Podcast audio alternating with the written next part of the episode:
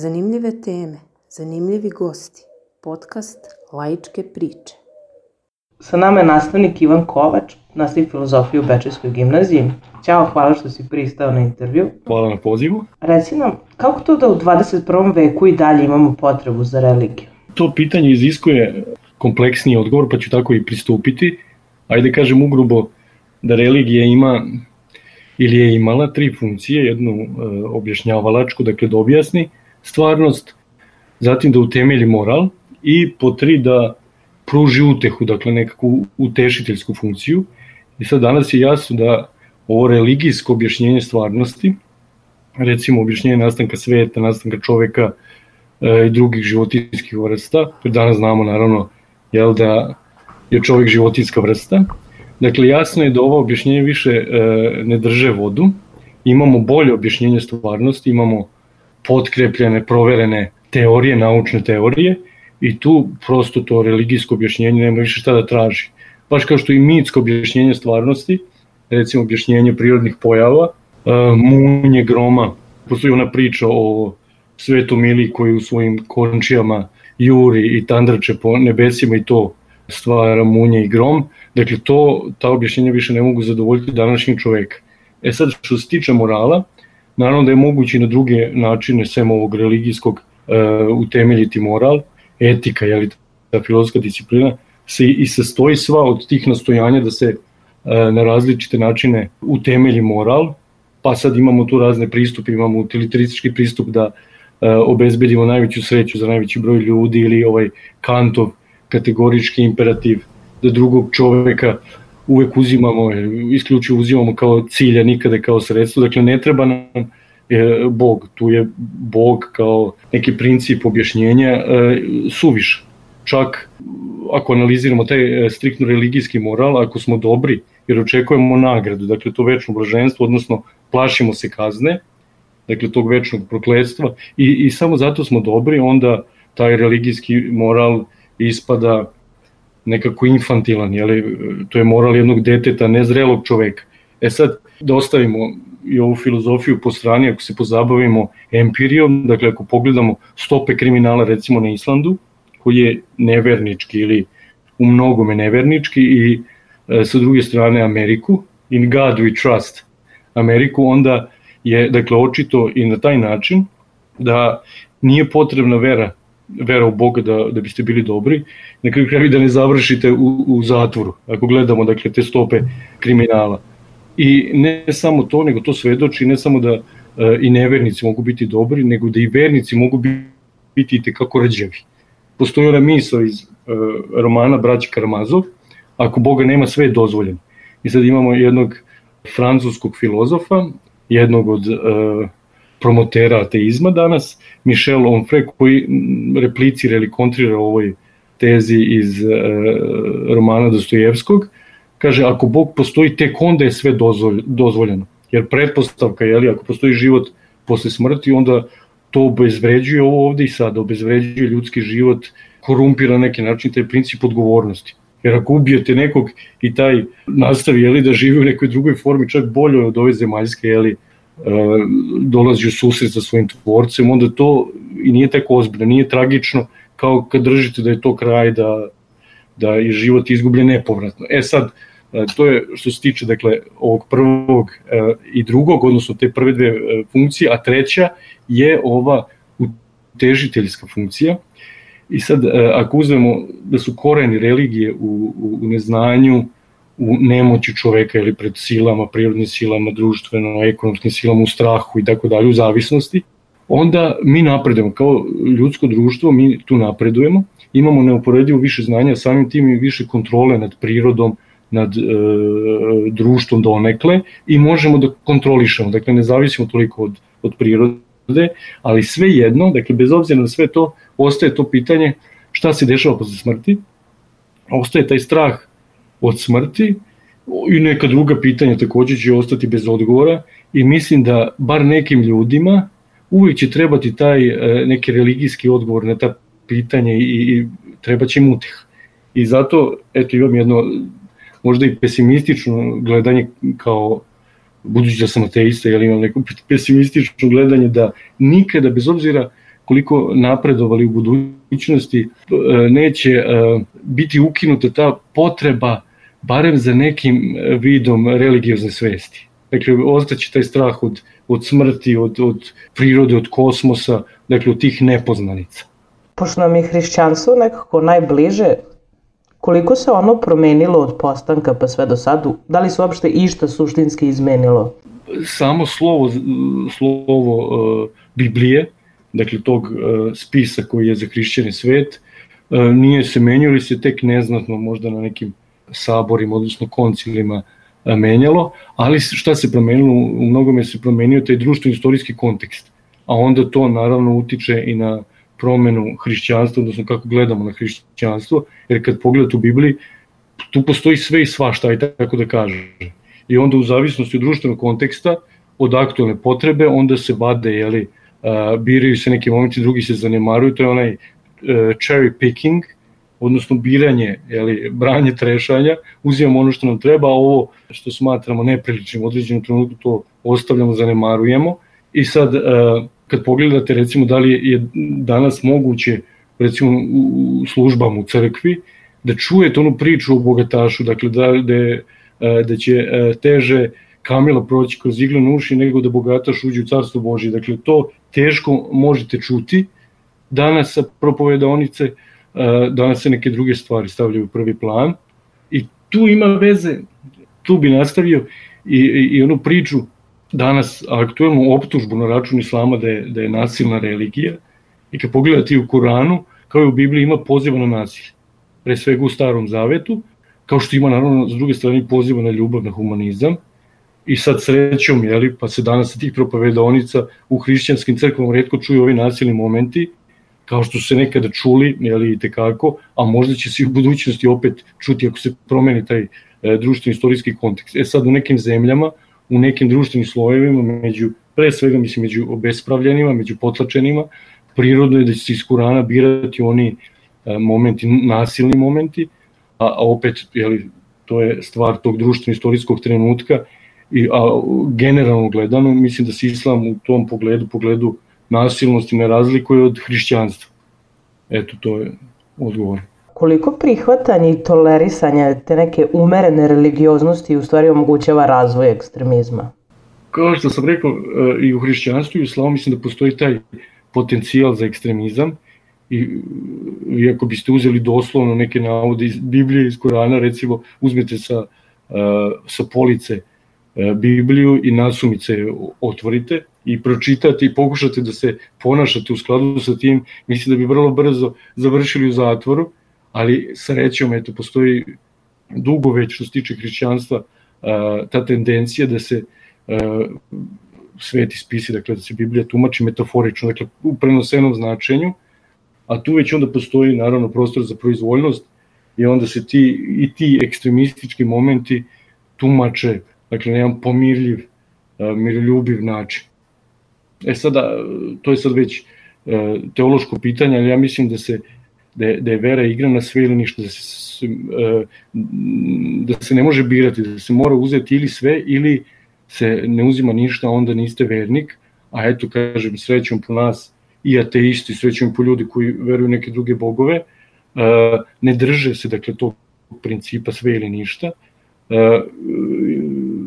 Mislim, iz dva razloga. Jedan razlog je ovaj već spomenjani cherry picking, dakle bira se ono što im odgovara, a zanemaruje ono što im ne odgovara, a jeli, ako je sve od Boga, onda ne možete birati, morate uzeti sve. A drugi razlog je što se, i to sam spomenuo, dakle, ne uzimaju se ti spisi doslovno, dakle, ne čitaju se doslovno, nego u prenesenom smislu, a onda opet imamo prostor za tu proizvoljnost, za subjektivnost, uh, opet, dakle, tumačimo stvari onako kako nam odgovara.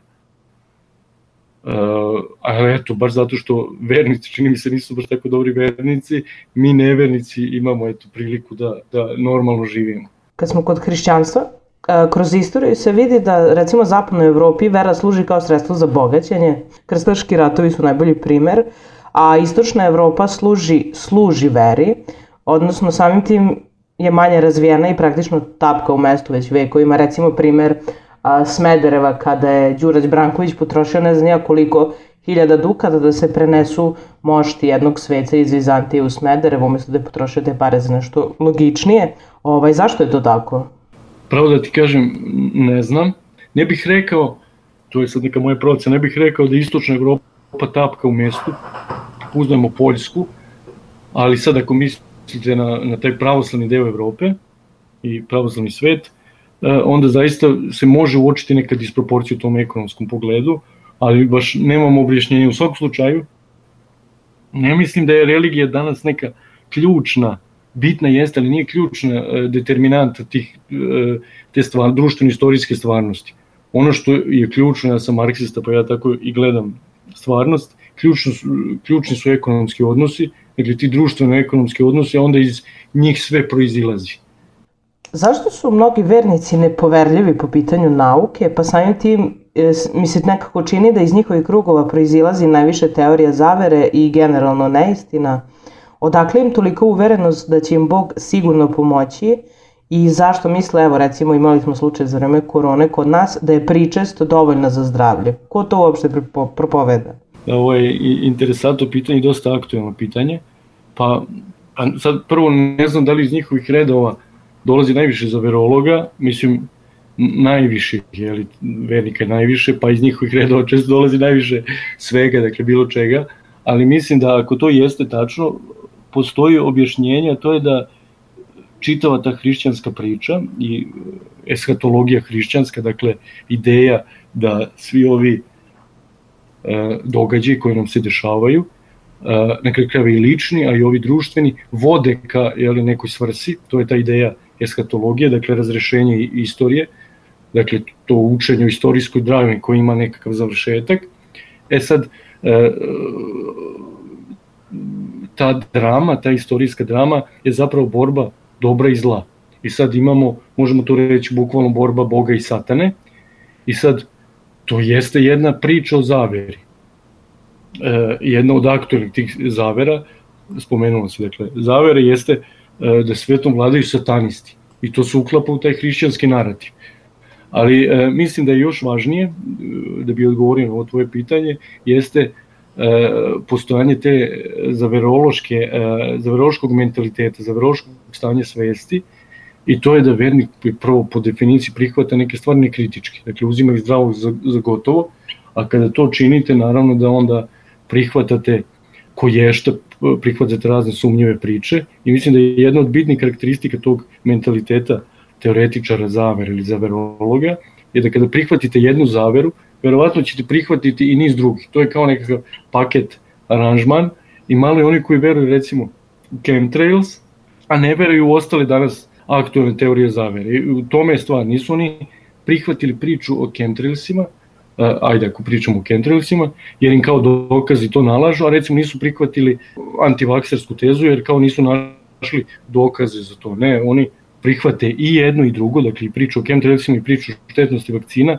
zbog čega? Zato što su prethodno prihvatili priču ili jednu pretpostavku da stvarnost nije onaka kako nam izgleda, da postoje centri moći koji nam rade u glavi, dakle da postoji taj zaverološki narativ i odatle sve počinja, a kad pogledaš kad pogledate pardon, e, zaveru, pa zaveru đavola prihvata li svaki vernik i kada prihvatite tu priču onda ste svašta vi prihvatili, prihvatili da je sve moguće i sve onda možete na taj fantastični način objasniti i tu onda mi više nismo na, na tlu razuma, dokaza i tako dalje, gde važe, dakle ne krećemo se više u jednom uh, svetu gde važe pri, ti prirodni zakoni, nego to je jedan fantastični svet u kome Bog može da interveniše kad god, gde su čuda moguće, zapravo gde je sve moguće, gde nema dakle pravilnosti, gde nema prirodnih zakona.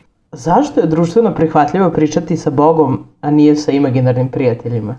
Pa prihvatljivo je zato što, ajde ne znam i da li ću ovde imati celovit odgovor, ali prvo religija je kolektivna stvar, zato što uh, takođe ima i tradiciju, ali mislim pre svega zato što toliko ljudi učestvuje u njoj tim ajde da kažem, religi, religijskim iluzijama.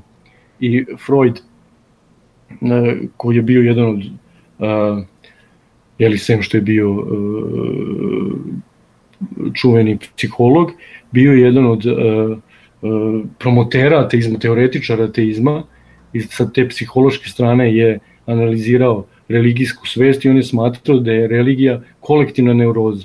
Dakle, ako imate pretpostavku da vas neka sila, i to nije ono, kako mnogi danas tumače i govore, dakle, ima nešto. Ne, ovde se radi o personalnoj sili, dakle o ličnosti koja vas posmatra i koja kontroliše svaki vaš pokret, svaku vašu reč, ima u vidu, jeli, dakle, čak i misao, čak i ako jeli, ne izgovorite, za nju dakle, zna to više biće i sad da odete jeli, kod psihijatra i da ispričate e, tako nešto, dakle da e, smatrate da e, neko zna svaku vašu mislu i ako vi e, to ne govorite, a to nije vaš partner ili e, ukućanin, e, dakle, e, da ispričate to izvan ovog religioznog konteksta, on ne bi zaključio dakle, da imate neurozu, nego da imate psihozu. E sad, u tome je caka, kad je to društveno prihvaćeno, kad je to društveno prihvatljiv način na koji se tumači svet, na koji se jeli, ljudi nose sa nekim životnim situacijama, sa nedaćama, onda to zaista ne biva toliko štetno. Ja sam e, prosto sigurno tu na kraju kreva iskustvo nam to govori, imate, jeli živite sa e, prijatelji ste sa tolikim vernicima, a ne biste rekli da su oni ludi. Dakle, ako to postaje društveno prihvatljivo, onda to možda ostaje onda na nivou neuroze, a na kraju svi smo u određenoj meri neurotični. A stvarno je neobično, dakle, da možete biti dobar, funkcionalan čovek, da imate porodicu, prijatelje, da možete da vodite ljubav, da imate posao, a to je recimo Freud uh, uzeo kao dva uh, ključna kriterijuma, da li ste uh, duševno zdravi. Dakle, ako možete da uh, uh, vodite ljubav i da imate posao. Dakle, ima toliko ljudi koji su u tom smislu funkcionalni, a s druge strane ili veruju tako sulude stvari i da nisu ludi, a eto, interesantno da je to moguće. Osvrnimo se sad na situaciju u Srbiji i pričat ćemo samo o njoj do kraja. Generalno pravoslavlje u Srbiji, koliko ono ima veze sa pravom verom, a koliko sa običajima i osjećajem pripadnosti, identitetom, pa čak i paganizmom? Pa hrišćanstvo ima taj paganski sloj, zapravo ima tri sloja, teoretičari hrišćanstva otvoreno e, pričaju o tome, dakle ima paganski sloj, ima starozavetni sloj i ima novozavetni sloj i mnogi običaj hrišćanski su u mnogome paganski, taj odnos prema prirodi koji je bitan za paganstvo, za paganizam, meni je recimo prihvatljiv. Ja imam simpatije za to, E sad, koliko to ima veze sa hrišćanstvom tom striktnom doktrinanom smislu, manje je bitno, a, a mislim da nema veze. Mene, mislim sad otvoreno da kažem, to je prirodno, mene baš briga da li su vernici dobri verniki, vernici, pardon, čak mi je, kao što sam uh, napomenuo, drago što nisu dobri hrišćani. Jer ako bi doslovno sledili neke naloge iz Biblije, kao što sam rekao, dakle, vernici drugih religija i mi ateisti, ne znam koliko bi se dobro proveli, e, kao što je jeli, bilo vekovima unazad, istorija svedoči o tome. E, meni je žao, prosto šteta je što, a poznajem, kao što sam rekao, mnogo vernika, Štete što ne vidim da im religija doprinosi da postanu bolji ljudi. Ako nešto je li valja u tom hrišćanstvu, to je nalog da se ljubi bližnji i naravno opet e, većina hrišćana to tumači na e, jedan lagodniji način, ali ovde se ne radi o mami tati, dakle partneru, deci i tako dalje, nego je nalog hrišćanski, ili Hristov nalog, da se ljubi čovek, drugi čovek, mako to bio. Nepoznat, e,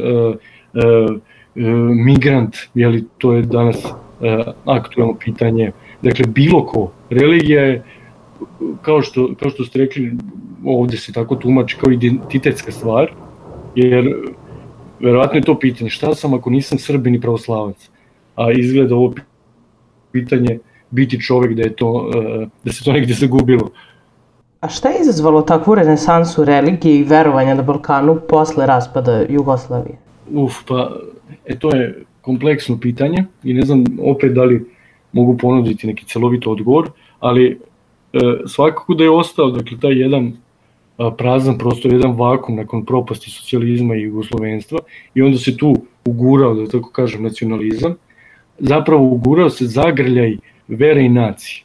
To je taj etnofiletizam i to je pre svega naštetilo veri. Uvek e, vera izvuče deblji kraj kada e, se tako grli, aj tako da kažem, sa, sa, sa nacionalizmom, gubi autentična vera, ne gubi crkva, ali gubi autentična vera, jer to je ono pitanje, dakle ako nismo više socijalisti i Jugosloveni, šta smo onda?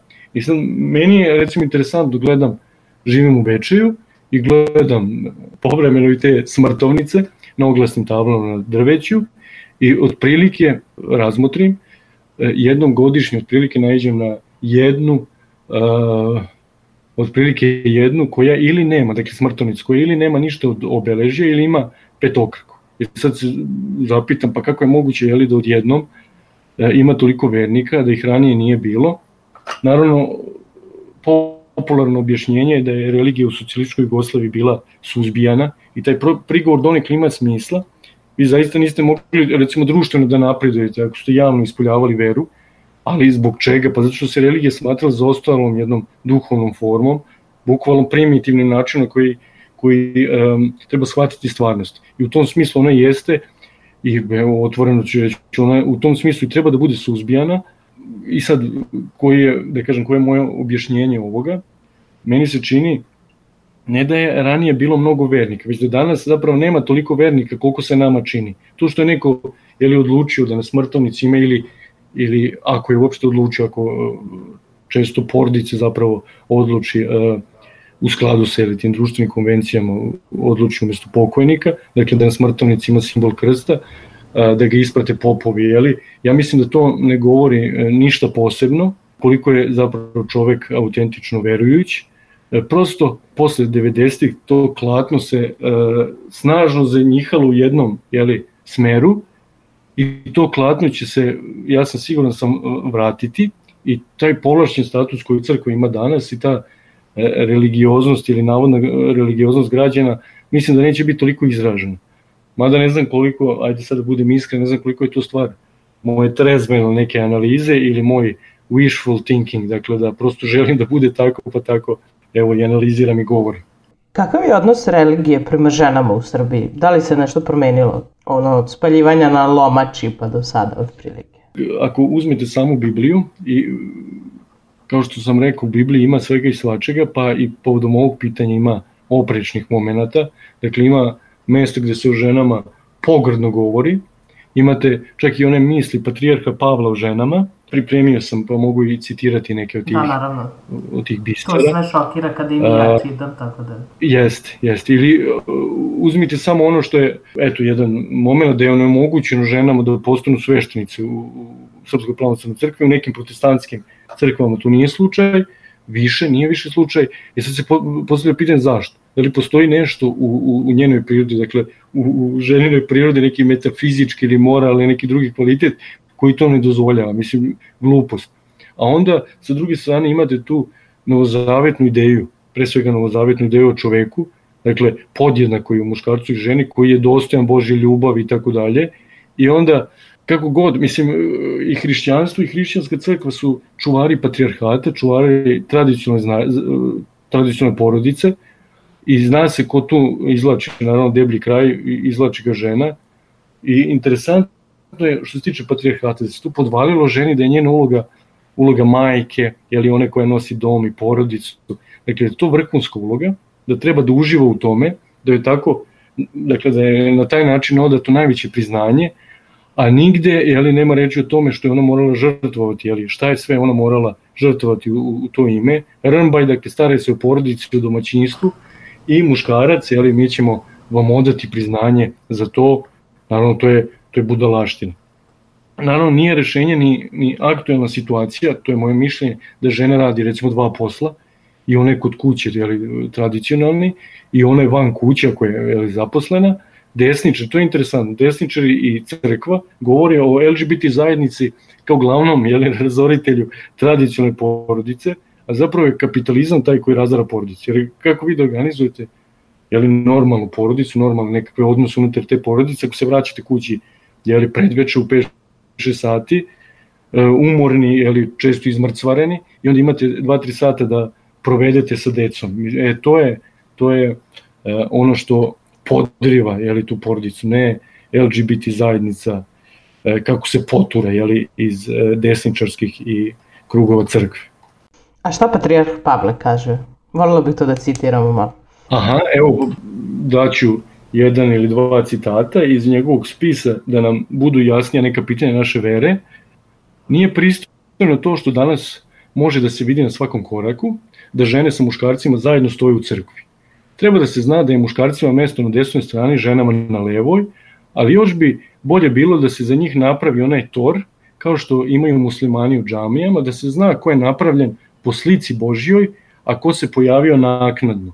Naravno, to je aluzija na priču o uh, nastanku Eve, dakle iz Adamovog rebra, u smislu da je ona jeli, uh, drugorazredna, bukvalno zato što se Adam dosađivao i onda bukvalno jeli, kao nekakva igračka za razonodu je poslužila Eva. Evo još jedan uh, citat. Ne priliči ženi da nosi pantalone niti kratku suknju, žena mora da bude pokrivena od glave do pete, da se u muškarcima ne bi javljali bludne misli. Muslimani greše u mnogo čemu, ali evo ovo, to su dobro rešili. I evo još jedan. Ovo je iz Božićne poslanice e, iz 1999. Za skoro svako zlo na ovom svetu krive su žene. One hodaju ulicom neprekladno obučene i navode muškarce na bludne misli, zbog kojih oni zanemaruju svoje obaveze i grešno se za, samo zadovoljavaju. Umesto da rađaju decu, žene biraju radije da idu na posao i nešto kao rad. To ne valja decu, zna se ko treba da radi, a ko da kuva ručak. Dakle, dosta brutalne misli o tome šta je žene, e, ženska priroda i koje je mesto žene u porodici uopšte u društvu. Pored toga što je to zabrinjavajuće, mene isto zabrinjava, mislim i mnoge, e, sve učestalija indoktrinacija dece. Da li bi to u budućnosti predstavljalo problem neki? Ili već sada predstavlja? Ja sam jeli, nastavnik, ja sam prosvetni radnik, radim u srednjoj školi i mogu iz prve ruke da kažem, pa treba, pravo da vam kažem, da, da nas zabrinjava i vas i nas. Mislim da prosveta ne igra ulogu koju bi mogla da igra i, i trebala da igra, da doprinese razvoju ovog društva. Obrazovanje je poluga koja može u ogromnoj meri da utiče na društvo. Sad možemo pričati o veronauci, ali na stranu to, to je promašaj, to je nešto što ne treba ni državi ni crkvi, ne treba crkvi ako zaista želi da obrazuje vernike, autentične vernike, a ne da tek brani svoju moć, što je, čini mi se, poenta uh, uvođenja veronauke u školama. Dakle, nije problem toliki veronauka, već to što je obrazovanje i prosveta postalo nešto sporedno, nažalost postalo je sporedno i deci i njihovim roditeljima, a mislim na kraju i nastavnicima i celom društvu. Tako da to je veliko pitanje i to će biti veliko pitanje i, i u budućnosti. Kako bismo objasnili ukrštanje religije i praznoverja, tipa ne usisavaj na crveno slovo, ne peri kosu nedeljom i tako? Pa hrišćanstvo, ako uh, slušate govore teologa i pravoslavnih bogoslova, hrišćanstvo se nominalno bori protiv praznoverja. E sad, sujeverje, e, za razliku od, od religije, posebno ovih tradicionalnih religija, nije organizovan i sad sistem dogmi, e, nema instituciju za sebe, dakle to su nabacana, prosto naprosto nabacana nekakva e, pojedinačna, nepovezana verovanja, ali mislim da u, u suštinskom nekom smislu ne postoji razlike između vere i sujeverje. E sad ako uzmemo da je E, magijsko mišljenje, osnov ili suština sujeverija, onda mi to naravno prepoznajemo i hrišćanstvo u, u praksi, praksi crkve. Da se, evo sad uzmite transubstancijaciju, dakle taj fenomen da taj hlebčić, nafora, jeli, u pravoslavnoj crkvi, odnosno hostija u, u, u katoličkoj, dakle da, da se tokom liturgije taj hlebčić suštinski menja. Dakle, da postaje telo Hristovo mislim, e, i zar to nije, zar to nije magija, jer mi rečimo, odnosno ne mi e, e, sveštenici, dakle rečima, nekakvim pokretima, rukama i tako dalje, on zaista ispada da nešto uspeva da učini, dakle da realno promeni u tom prostoru, da, da zazovu sveti duh, koji onda tu nešto jeli, posreduje, on realno nešto učini. Naravno, mi ništa od toga ne vidimo, zato vernik treba da ima razvijenu maštu, ali e, šta je to nego, nego magija? Dakle, magijsko mišljenje naravno je u osnovi praznoverja e, i sujeverja, ali je i u osnovi ovih tradicionalnih vera. Ja ne bih napravio tu neku suštinsku razliku, sem e, da ponovim što sujeverje nije, nema instituciju iza sebe i nije organizovan sistem dogmi, nego prosto kada pitate dva sujevernog čoveka, oni će imati različite ta, ta pojedinačna e, sujeverna neka verovanja. U tom smislu se neće moći identifikovati. Eto, to je, to je. Ali mislim da suštinske razlike e, između njih nema. Odakle se stvorio taj kult obožavanja pod navodnicima svete nebeske, obećane i svi ostali pridevi koji idu uz Kosovo i Metohiju i generalno godine 1389. koja je istorijski baš i nebitna za naš narod? Definitivno nemam opet potpuno odgovor. Naravno, bitan je uticaj etnofiletizma, ja sam spomenuo e, etnofiletizam, dakle to je taj spoj neprijatan, nezgodan zagrljaj vere i nacije, to je na kraju krajeva i jeres. Na saboru, jednom ne mogu ovom prilikom reći kada, je to proglašeno dakle za jeres, da je to apsolutno neprihvatljivo zaista za istinsku crkvu i za istinsku veru, dakle kakve veze ima dakle nacija sa univerzalizmom hrišćanstva. E sad ako govorimo o Srpskoj pravoslavnoj Srpskoj pravoslavnoj crkvi, treba prosto reći da je ona podvalila Srbima, e, da ne mogu biti Srbi ako nisu vernici e, Srpske pravoslavne crkve. Dakle, to je, e, spomenuli ste vi, dakle, identitetska stvar, Dakle, ne radi se ovde o pitanju dakle, te transformacije hlepčića u, u telo Hristov, dakle o transubstancijaciji, o nekim dogmama, o trojičnosti Boga i tako dalje. Čak, nažalost, nije pitanje ni morala, sve je to nebitno. Bitno je naprosto da ste deo stada, da se identifikujete sa tim stadom i to je to, a naravno je li da Srbi mogu da ostanu Srbi ako su protestanti, katolici, muslimani, ako ne veruju u Boga, dakle ako su agnostici ili ateisti i tako dalje. Taj etnofilatizam jeste jeres, dakle i pravoslavna crkva ga je proglasila za jeres, a pa zar nije jedno od možda najdivnijih stvari hrišćanstva upravo taj univerzalizam, da je svako pred Bogom jednak, da je svako pozvan da bude Boži sledbenik, pa stavljanje nacije dakle, u prvi plan barijaka, priče o srpskim žrtvama, tog uh, auto, te viktimizacije, uh, to se ne da prosto pomiriti sa univerzalizmom. Dakle, umjesto da uzdigne jeli, vernika svoju pastu na nivo čoveka, oni ih svode na nivo Srbima, e, na nivo uh, Srba. Interesantno, jedan zagrebački filozof, posebno sa etikom i praktičkom filozofijom bavio Kangrga, on je imao 90-ih jednu ubitačnu misao, rekao je biti samo Hrvat znači još ne biti čovek. Dakle, to što ste vi Hrvati ili ste Srbi, to još ne znači da ste vi, e, da, da vaša egzistencija podignuta na nivo čoveka. E sad što se tiče Kosova, dakle postoji ta mitomanija i naprosto je nametnuto jeli, da je Kosovo srce Srbije, jer e, vidite jednom hrišćaninu valjda bi trebalo da je potpuno isto ako se klanja negde pod šatorom ili pod, pod nekim drvetom, pod hrastom, kao i u velelepnom zlatnom hramu, što je hram jeli, Svetog Save u, u Beogradu. Samo je dakle bitno, to bi trebalo da, e, jedino da se meri.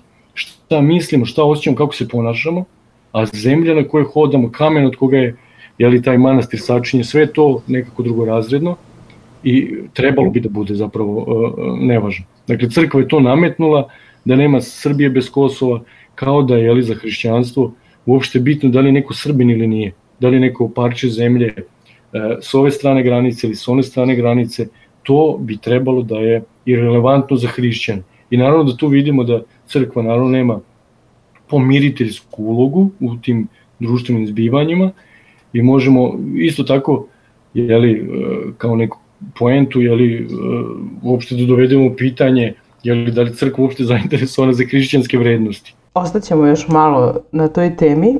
Milan Nedić, Nikola Velimirović, Dimitrije Lotić Ljotić, sve su ovo kultne ličnosti među mnogim srpskim pravoslavcima, oni negiraju sve od Nedićevih zločina nad sobstvenim narodom, pa do Nikolajevog antisemitizma i njegovo likovanje Hitlera, čak i Nikolaj kad je bio u Dachau uopšte u svojoj knjizi ne spominje bilo kakve zločine učinjene ne samo na vreme nego i nad svojim narodom.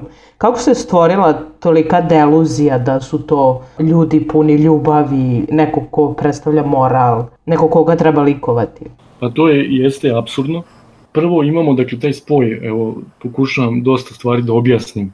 tim konceptom tog etnofiletizma, ali ovde zapravo ne samo da imamo spoj crkve i nacije, nego imamo spoj crkve i četništva. I onda se time koješta jeli, može pravdati, jer u takvom spoju, kao što sam rekao, religija, jeli, jer mi se ovde čudimo zbog, zbog religije, zbog hrišćanstva, jeli, te, tog učenja, kako je moguće jeli, da jedan hrišćanin e, i čini određene stvari i da toleriše određene stvari, da ostaje nem, jeli, kao svedok određenim užasnim stvarima, jeli, Nikolaj definitivno bio svedok užasa jeli, u koncentracijnom logoru. E sad, dakle, religija tu definitivno u tom spoju izlači deblji kraj, ali jasno, e, e, to je kontroverzno, jeli možda čak možemo reći da je malo reći kontroverzno, njihovi postupci i izjave su neprihvatljivi, e, ali kažem, absurdno je kada imamo eto ne znam koliko uh, ljudi imaju u vidu taj podatak 2005. godine na saboru Srpske pravoslavne crkve su prvo spomenući dva imena, ne znam koliko su uopšte poznate, Milorad Vukojičić i Slobodan Šiljak, dakle oni su na tom saboru 2005. proglašeni za sveca. Ko su ti ljudi? To su bili popovi tokom drugog svjetskog rata, koji su bili članovi četničkih trojki i bili su koljači. I njima je suđeno i osuđeni su na smrt, ali svejedno su oni ali 2005. proglašeni, dakle proglašeni su za svece.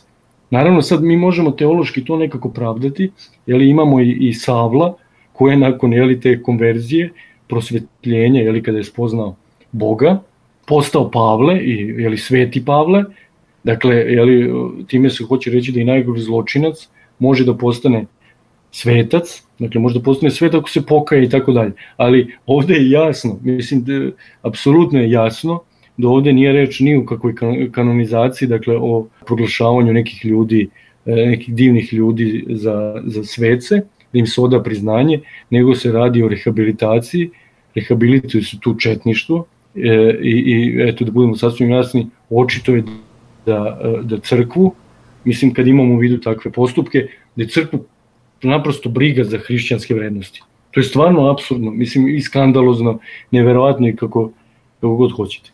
Kako je vera u Srbiji postala opravdanje za nasilje i generalno netrpeljivosti prema svemu što nije srpsko i pravoslavno? Da li je taj maligni religijski uticaj doprineo krvoločnosti ratova 90. Pa, evo opet ću dakle, pokušati tim principom da, da objasnim. Dakle, principom etnofilatizma, to je taj dakle, neprirodni zagrlje vere i nacije. Definitivno crkva imala ozbiljnu štetočinsku ulogu u ratovima 90. 90.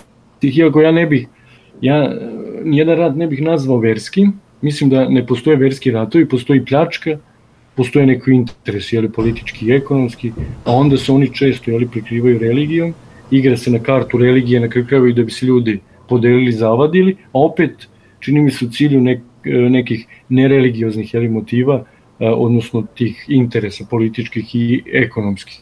I crkva je dakle imala tu dakle tu štetočinsku ulogu, imala je aktivnu tu zaluđivačku ulogu, a povremeno je li ratnu huškačku ulogu u, u tim ratovima 90-ih naravno i katolička crkva e, nju ne izuzimamo. Osvrnut ćemo se na malo region. Crna Gora promenom vlasti meni se čini da polako postaje teokratska država, a, s obzirom da se oni smatraju Srbima, odnosno oni kažu da su Srbi, da li onda postoji mogućnost da se to desi i ovde, pošto smo praktično isti narod, isto razmišljanje u većini? Pa ne znam, e, ne znam koliko sam dobar politički analitičar i neko ko može da predviđa buduće događaje. Mislim da e, crkva, Srpska pravoslavna crkva u Crnoj Gori ima e, snažan uticaj na te političke prilike, veći nego što ima u našem društvu u Srbiji, barem u ovom trenutku mogu samo reći da mi na osnovu svega ovoga vidimo da su jeli, naša društva e, i Crnogorsko i, i ovo naše u Srbiji, da su još krka, da ta demokratska kultura a, e, nije zaživela, da je ona tek u nekom zametku, posebno, mislim da ne govorimo o sekularnosti, dakle tom principu odvojenosti države i crkve, dakle to je mrtvo slovo na papiru, iako je jeli, dato kao član u, u Ustavu. Dakle, ovde još, nažalost, nema građana, izgleda da ima samo Srba, Crnogoraca, Albanaca, Hrvata i tako dalje. Zlato u hramu Svetog Save, skupi BMW i Porsche i pranje para, to su sve neke odlike popova Srpske pravoslavne crkve i generalno Srpske pravoslavne crkve. A opet pored ikone i dalje imamo rupicu u koju bacujemo 50 dinara, 20 dinara, 10 dinara, 100 dinara. Crkva ne plaća porez, ali naravno redovno države dobija ogroman novac iz budžeta koje pune svi građani, to duše ne samo pravoslavci. Kakav je to absurd i da li ima izlaska iz njega uopšte? Pravo da vam kažem ne znam, nažalost ne znam. Mislim, položaj crkve će se definitivno menjati. Mislim da, ili se opet nadam, ne znam da je to moj wishful thinking, dakle, mislim da neće biti toliko dominantan kao što je to danas, ali danas, dakle, i crkva i dalje ima uh, tu bitnu političku ulogu i dokle god je bude imala, dakle, taj ozbiljan politički uticaj, ona će imati povlašćen status. I od ovog principa sekularnosti uh, neće biti ništa sem, ali kao što sam rekao, ostaće to mrtvo slovo na papiru koje nikog ne obavezuje. Dakle, nemam, nemam odgovor, mogu da, mogu da želim, naravno da želim da, da utice crkve ili bilo koje verske dakle, institucije bude manji, da bude sveden na privatnost, ali to, to još neće biti. Ako gledamo i Evropu i neke druge zemlje, prosto postoje određena pitanja koja se tiču i učenja, dakle verskih učenja koje su u koliziji sa određenim verskim nalozima, njihovim moralnim nalozima, recimo pitanje abortusa, dakle ne znam da li, da li će ikada dakle ta pitanja biti biti razrešena zadovoljstvu građanina. Neću sad spominjati nikoga konkretno, ali uh, da li su slučajevi pedofilije u Srpskoj pravoslavnoj crkvi među visokim crkvenim licima pod zaštitom iste? Pa mislim ne samo pedofilije, e, svako drugo uh, nevaljalstvo ili nepočinstvo se tu prikriva, ne kažnjava se jer crkva, a to sam nekoliko puta ili već rekli, da je ona u prvom redu institucija moći. I onda u skladu sa tim pa na prvom mestu im je ekonomska ili politička moć, sve ostalo je drugorazredno i, i ako to pokušavamo, dakle ako pokušavamo crkvu shvatiti na drugi način, dakle ne kao instituciju moći, onda ćemo se prosto zaplesti u priču o dobro i zlu, o anđelima i đavolima i ne znam kako drugačije bismo to onda objasnili, ali činjenicu, ali da se takve užasni uh, užasne stvari prikrivaju i tolerišu i tako dalje. Jedino ako je li shvatimo da je crkva neka satanistička organizacija, je li čim to toleriše ne kažnjava, ali crkva čini mi se nije ni satanistička ni anđelska organizacija, ona je naprosto ljudska i što se kaže ljudska odveć ljudska. Dakle, prosto jedna institucija, institucija moći. I mislim da tako treba sa nekog sociološkog e, stajališta posmatrati dešavanja u njoj. I za kraj jedno pitanje, dogodine u? e, nažalost, čini mi se dogodine na isto mesto.